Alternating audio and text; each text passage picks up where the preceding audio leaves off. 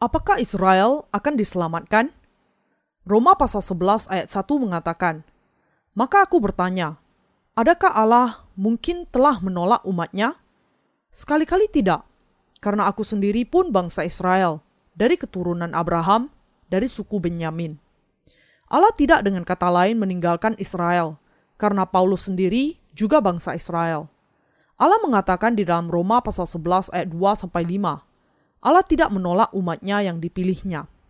Ataukah kamu tidak tahu apa yang dikatakan kitab suci tentang Elia waktu ia mengadukan Israel kepada Allah? Tuhan, nabi-nabimu telah mereka bunuh, mezbah-mezbahmu telah mereka runtuhkan. Hanya aku seorang dirilah yang masih hidup dan mereka ingin mencabut nyawaku. Tetapi bagaimanakah firman Allah kepadanya? Aku masih meninggalkan tujuh ribu orang bagiku yang tidak pernah sujud menyembah Baal. Demikian juga pada waktu ini ada tinggal suatu sisa menurut pilihan kasih karunia. Seperti yang dikatakan Allah kepada kita bahwa ada banyak bangsa Israel yang akan kembali kepadanya dengan percaya kepada Yesus, banyak orang Yahudi akan diselamatkan dari dosa mereka. Kita harus percaya bahwa di akhir zaman banyak orang-orang bukan Yahudi akan ditebus dari dosa-dosa mereka dengan percaya kepada kebenaran Allah dan datang kepada Yesus Kristus. Paulus bertanya, Ataukah kamu tidak tahu apa yang dikatakan kitab suci tentang Elia? Di sini Paulus menunjuk kepada kenyataan bahwa akhirnya akan banyak bangsa Israel yang akan percaya kepada kebenaran Allah yang akan menghapus segala dosa mereka. Dengan firman Allah yang dikatakan Elia, kitab suci mengatakan bahwa banyak di antara bangsa Israel yang akan menerima Yesus Kristus sebagai juru selamat mereka.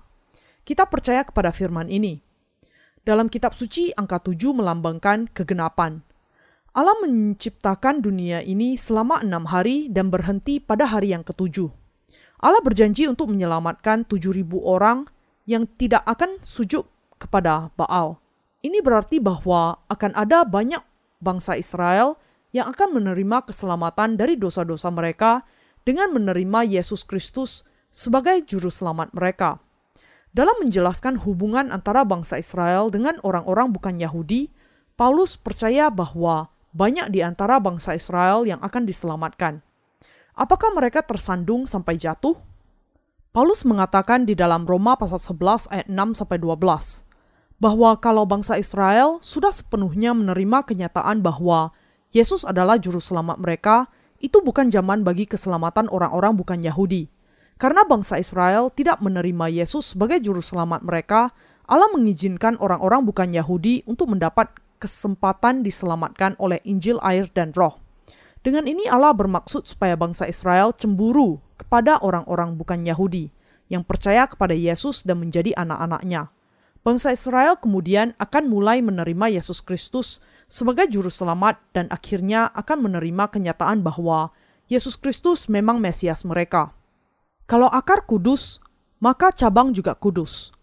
Roma pasal 11 ayat 13 mengatakan, Aku berkata kepada kamu, hai bangsa-bangsa bukan Yahudi, justru karena aku adalah rasul untuk bangsa-bangsa bukan Yahudi, aku menganggap hal itu kemuliaan pelayananku.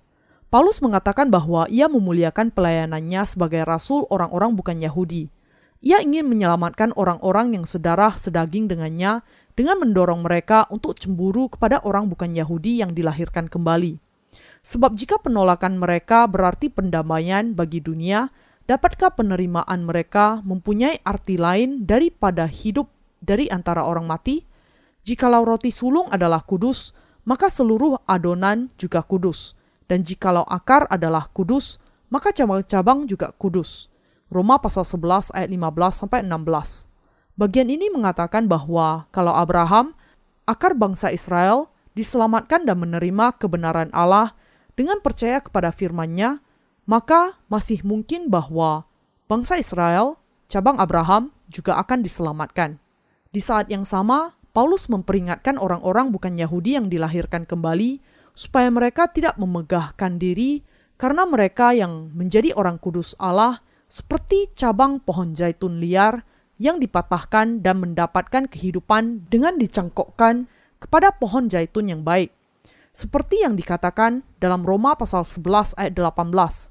Janganlah kamu bermegah terhadap cabang-cabang itu. Jikalau kamu bermegah, ingatlah bahwa bukan kamu yang menopang akar itu, melainkan akar itu yang menopang kamu. Kita menjadi umat Allah karena kita diselamatkan dari dosa dengan percaya kepada kebenaran Allah. Tetapi kalau kita meninggalkan kebenaran Allah, kita juga akan ditinggalkan. Kita tidak bisa melakukan ini karena Yesus Kristus sudah menggenapi semua kebenaran Allah untuk menyelamatkan kita dari segala dosa kita, dan karena kita memang sudah diselamatkan dari segala dosa kita. Kita sudah diselamatkan dengan iman di dalam kebenaran Allah yang mutlak, bukan karena usaha kita.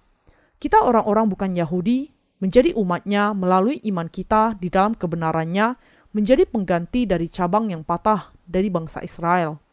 Kita bisa berdiri teguh karena kita percaya kepada kebenaran Allah. Karena itu dengan percaya kepada kebenaran Allah, baik orang Kristen dan orang Yahudi bisa dicangkokkan kepada Yesus sebagai umatnya. Kalau kita tidak percaya kepada kebenaran Allah, kita pasti akan mati karena dosa-dosa kita dengan penghukumannya. Paulus memperingatkan ini kepada bangsa Israel terlebih dahulu. Tetapi kita tidak terlepas dari peringatan ini juga. Allah mengasihani kita, orang-orang bukan Yahudi dan menyelamatkan kita dengan kebenarannya. Mereka yang mengenal dan percaya kepada kebenaran Allah diselamatkan dari segala dosa mereka.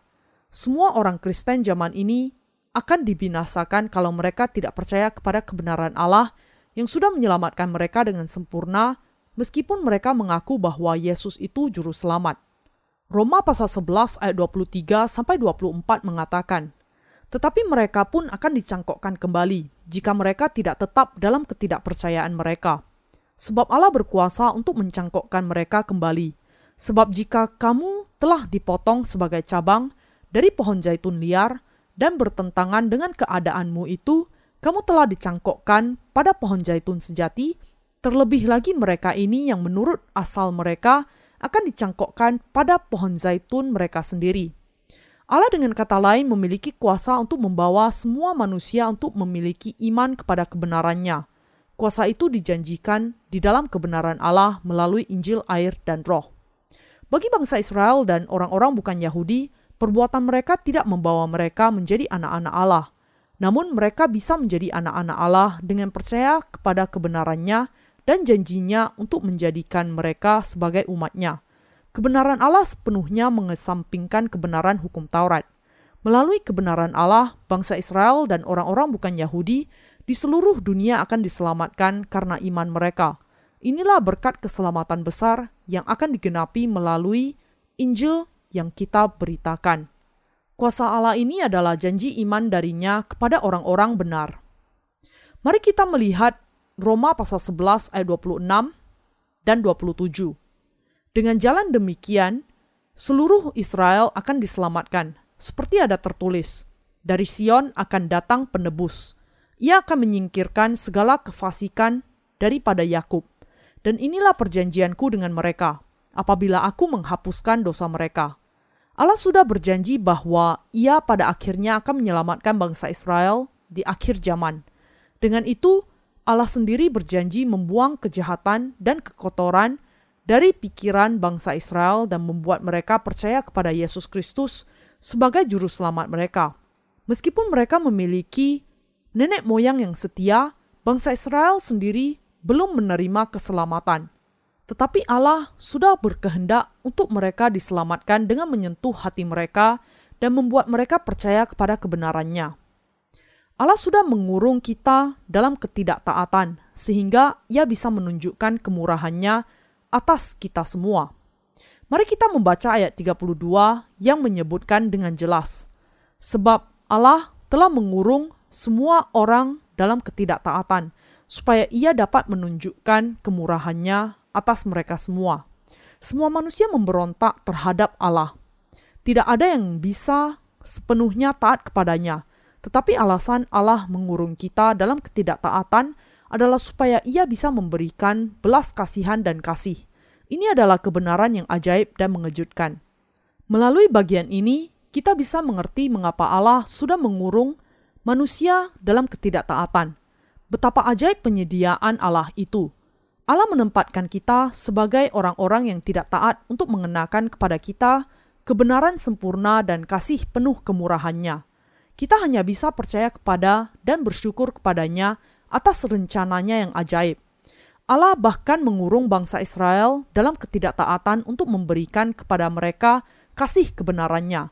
Bangsa Israel masih merendahkan Yesus, menganggap dia hanya orang kecil dari Nazaret – Sementara banyak orang Kristen bukan Yahudi memanfaatkannya untuk mencari uang.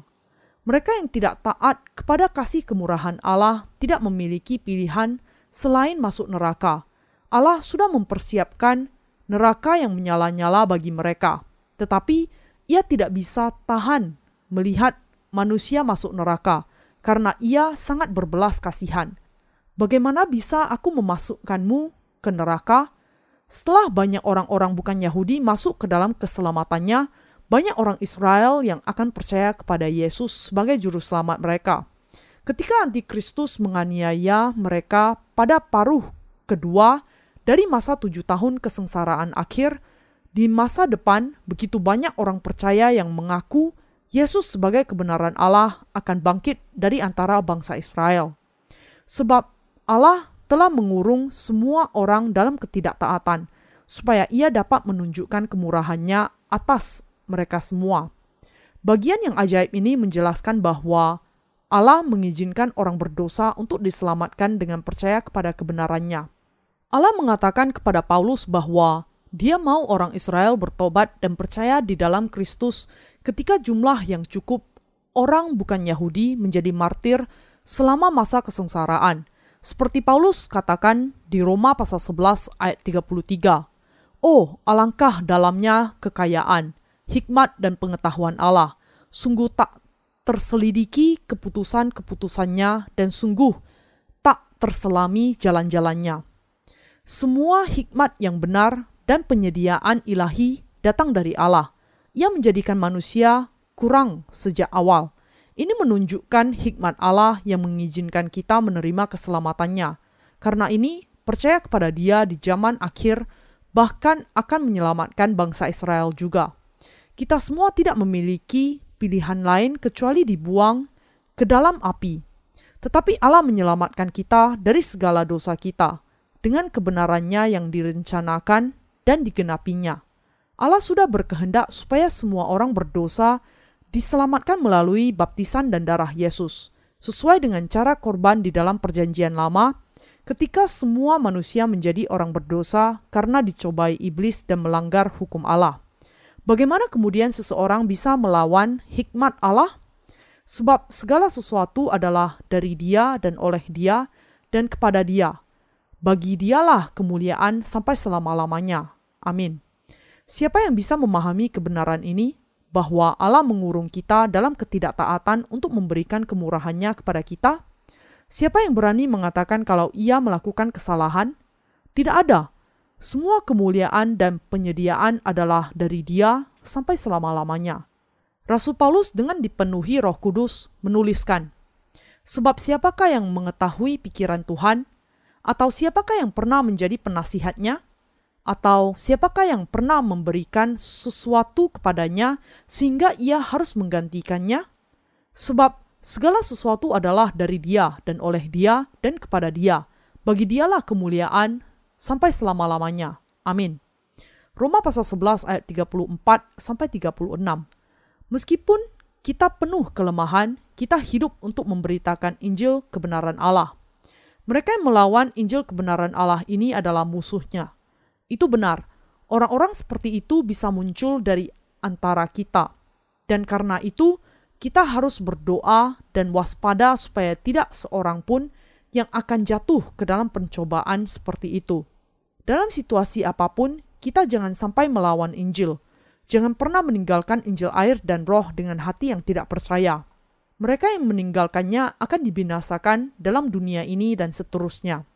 Saat bangsa Israel percaya kepada Yesus sudah dekat, betapa luar biasanya kalau 6 miliar orang di bumi ini kembali kepada Allah dan menerima keselamatan? Orang benar yang percaya kepada kebenaran Allah seharusnya tidak hanya memandang kepada keadaan sekarang, tetapi juga memandang pekerjaan Allah bagi bangsa Israel dan mempersiapkan iman untuk masuk dan hidup dalam langit dan bumi baru. Orang benar harus selalu hidup oleh iman dan pengharapan. Saya bersyukur kepada Allah karena saya mengetahui bahwa saat ketika bangsa Israel percaya kepada Kristus sebagai juru selamat mereka sudah dekat. Segeralah datang Tuhan Yesus.